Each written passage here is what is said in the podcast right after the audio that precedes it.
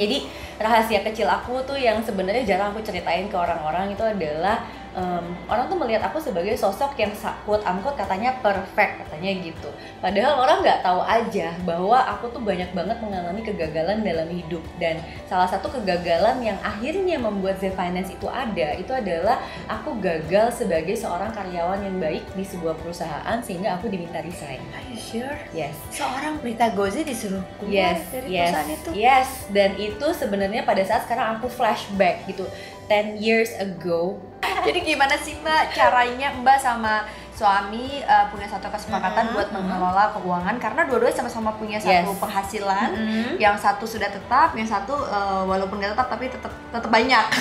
Amin. itu gimana ngaturnya Mbak biar aku belajar dong. Ya, jadi gini, prinsipnya kan di dalam rumah tangga itu sebetulnya bisa ada empat metode pengaturan keuangan. Ada empat metode ada empat metode pengaturan keuangan. Kita bisa pilih. Ada satu yang digabung semuanya. digabung semuanya. semuanya. Yang kedua itu em, penghasilan suami itu semuanya diberikan ke keluarga, penghasilan istri dia diberi kebebasan untuk eh, spendnya untuk apa. Oke, jadi Hmm. istri uang suami adalah uang istri, uang istri adalah uang istri. Ya gitu. Oke, yang ketiga? Yang ketiga itu em, suami memberikan jatah bulanan kepada rumah tangga. Oke. Dan biasanya istrinya itu kadang tidak bekerja atau misalnya eh, ya tidak berpenghasilan satu lah. pintu ya. Betul. Oke. Lalu kalau yang Yang keempat ini masing-masing. Jadi, oke suaminya kerja dia tanggung jawab untuk pos-pos apa, istrinya kerja dia tanggung jawab untuk pos-pos apa. Oh ada yang Ada gitu? banyak yang seperti itu. Ini ini berdasarkan riset Mbak Prita sebagai financial planner selama berapa lama Mbak? 10 tahun. 10 tahun. Oke. Oke, itu bisa berubah nggak sih Mbak? Bisa, bisa Misalnya banget berubah. yang dulu pertamanya style yang satu, Mm. terus tiba-tiba jadi yang dua, yang ketiga Mm, gitu. mm, mm. Itu bisa berubah. Nah, kebetulan kalau di keluarga aku, kita pilihnya adalah yang nomor dua. Kenapa? Karena suamiku tuh dari dulu bilangnya, pokoknya uang yang dihasilkan adalah semuanya untuk keluarga. Dan aku tidak dipaksa untuk memberikan penghasilanku ke keluarga. Tapi, Mbak Ana, Mhm. aku mikirnya begini. Aku sebagai wanita karir itu kan mendapatkan izin dari suamiku, anak-anakku. Mereka mendoakan aku, mereka merestui uh, kerjaan aku dan sebagainya dan mereka kehilangan beberapa momen waktu bersama Kok aku terharu ya? Ketampar juga nih psikolognya di sini. Ah, Terus, terus, kan sering pergi gitu kan Iya, kita kan bener, biasa bener, ya kita kan miss persahabatan Nusantara gitu. Nah jadi pada saat aku berpikir begitu, apa iya aku mau Heeh. menggunakan semua penghasilanku hanya untuk, diriku sendiri, gitu kan? kan selfish banget rasanya. aku merasanya begitu gitu Oke, itu aku oke. merasa aku nggak bisa ngejudge orang lain tapi aku merasanya gitu Yes. Dari penghasilan aku aku memang tetap dong pengen sesuatu yang aku sukai aku bisa eh, apa dapatkan dan suamiku juga mengizinkan. Tapi on the other hand aku juga istilahnya tuh menambah untuk apa? Liburan keluarga. Kemudian aku eh, invest untuk anak-anakku dan untuk dana pensiunku sendiri gitu loh kenapa karena aku nggak kepingin loh aku udah kerja segala macam ini itu kemudian kayak nggak ada menikmati. Iya, heeh. jadi aku kepingin semuanya juga menikmati gitu loh dan Mhm. dan menikmatinya itu adalah untuk semua. Jadi akunya bahagia, tapi keluarga aku juga bahagia gitu. kan katanya uh, rahasia suksesnya setiap anggota keluarga adalah emosi ibu dan Mhm. happinessnya ibu ya Mm-mm, mbak. mm-mm. Oke berarti mbak Prita menggunakan cara yang kedua Yes. awalnya, tapi Mhm. akhirnya juga nggak bisa seselfish itu, Mhm. yang akhirnya juga berkontribusi juga untuk kebahagiaan-kebahagiaan anggota keluarga yang lainnya. Mm-mm. Oke keren banget mbak. Terus kalau terkait sama rekening nih, Mm-mm. boleh jujur mbak ada berapa rekening pos yang mbak anggarkan untuk keluarga mbak? Tujuh. Wow. Tapi tau gak sih teman-teman Asa Channel setelah kenal seorang Prita Gozi, aku tuh punya satu rekening pos anggaran untuk beli mainan anak, baju anak sama buku anak. Dan sampai sampai aku bilang kamu kok kebanyakan teori sih kata dia gitu.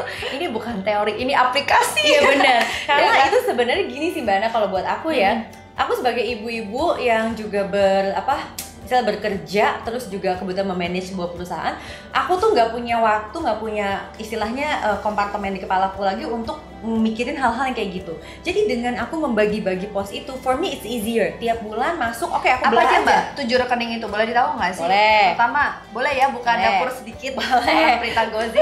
Satu, yang pertama adalah penampungan untuk zakat, sedekah dan lain-lain. Wajib ya, Oke, itu. itu, biasa aku taruh di satu tempat yang terpisah. Kemudian Tring, yang zakat. satu, Yang kedua? aku punya untuk dana darurat. dana darurat. Dana darurat. Itu yaitu- dari pengeluaran berdua atau Mhm. satu orang Nah, Prita aja? kebetulan dana darurat kami itu tuh sudah eh, uh, mencapai jumlah yang diperlukan. Jadi Oke, ya. aku udah taruh aja di situ uangnya, gitu Yes. kira-kira begitu.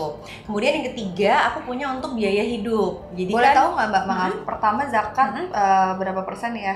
Oke, aku biasanya sih kalau zakat hitungannya kan pas ya, Iya, iya. tetap dua setengah. Tetapi lebih-lebihnya adalah sedekah dan lain-lain. Oke, Jadi oke. kita sih berusaha banget sampai 10% sih dari Iya, penghasilan kita oke. gitu. Mudah-mudahan bisa Insya tercapai. Allah ya Mbak ya. Oke yang Nah, kedua. kalau dana darurat terus terang ya aku cuma taruh aja eh, karena udah udah cukup lah istilahnya jumlahnya.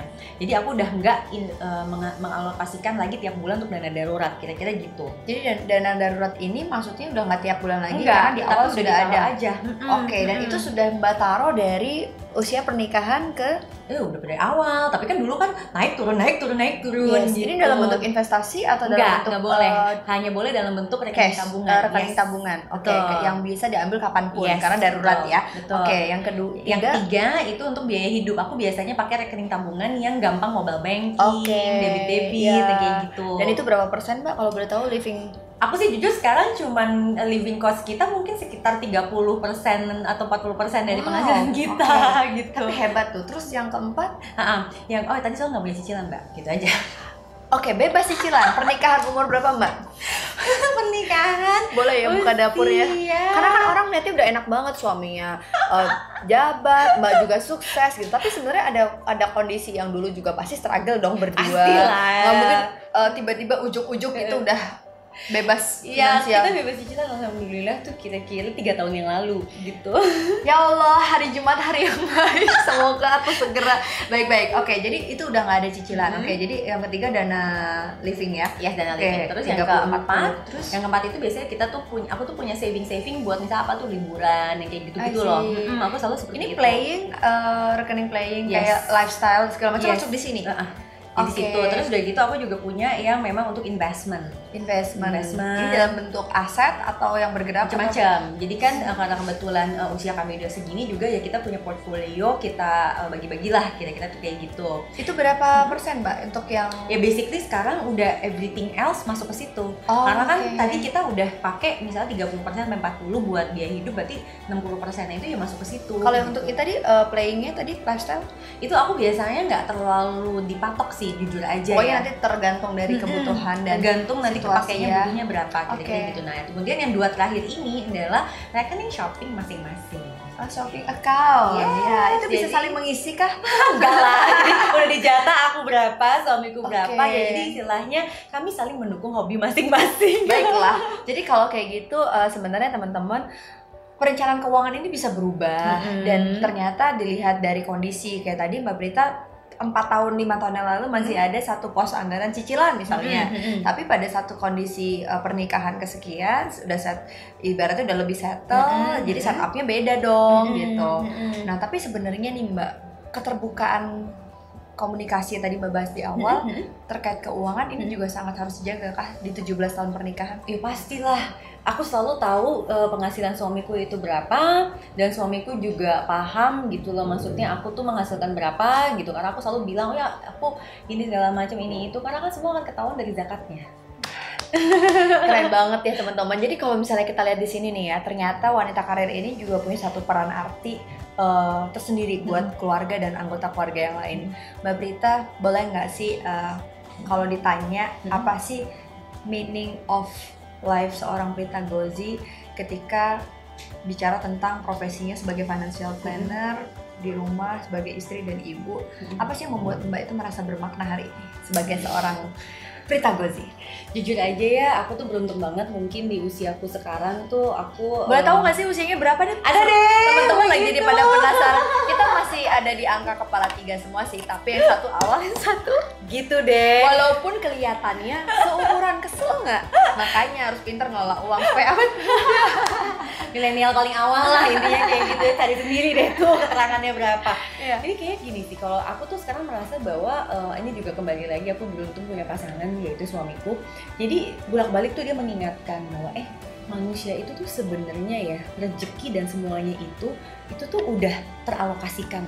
Semuanya tuh sudah jelas, tapi tugas kita tuh berjuang karena dunia itu adalah lahan perjuangan. Jadi pada saat aku gitu, akhirnya aku tuh udah sekarang nggak pusing, nggak panik kalau misalnya udah ngerjain proyek tiba-tiba nggak dapet ya berarti itu bukan rezeki aku Oke. Terus misalnya udah uh, malahan mungkin ngerjainnya santai-santai, eh dapat oh berarti itu rezeki. Tapi ada juga yang ngerjainnya juga apa luar biasa, tapi tetap dapat juga. Oh berarti memang kita disuruh ikhtiarnya lebih banyak, tapi kita dapat juga gitu loh. Hmm. Pada saat ternyata aku uh, me- apa ya istilahnya in that moment, maka aku tuh setiap lagi galau, lagi gundah, lagi kesel, misal sebel sama orang ngerasa kenapa sih kok dia begitu sama aku?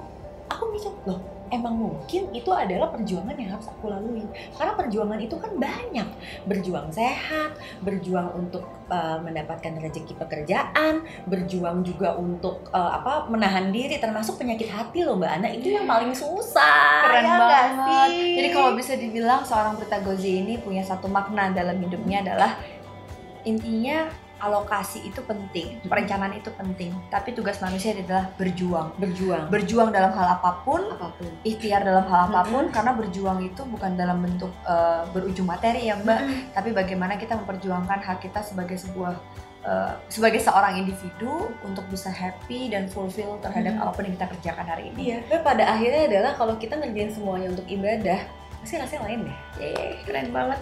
Aku terharu ketika Mbak Berta cerita tadi awalnya seperti eh, di usia 28 ada krisis di situ dan mencoba bangkit dari keterpurukan justru menghasilkan sebuah keberhasilan di usia hari ini berdasarkan risetnya yang panjang tentang kehidupan ada Z Finance. Congratulations Mbak Prita.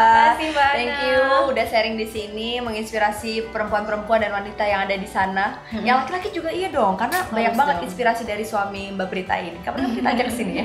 Sibuk tapi ya. Oke, makasih Mbak Prita, sukses selalu. Terima kasih, Mbak Ana. Sampai ketemu lagi di Asa Channel. Bye. Assalamualaikum.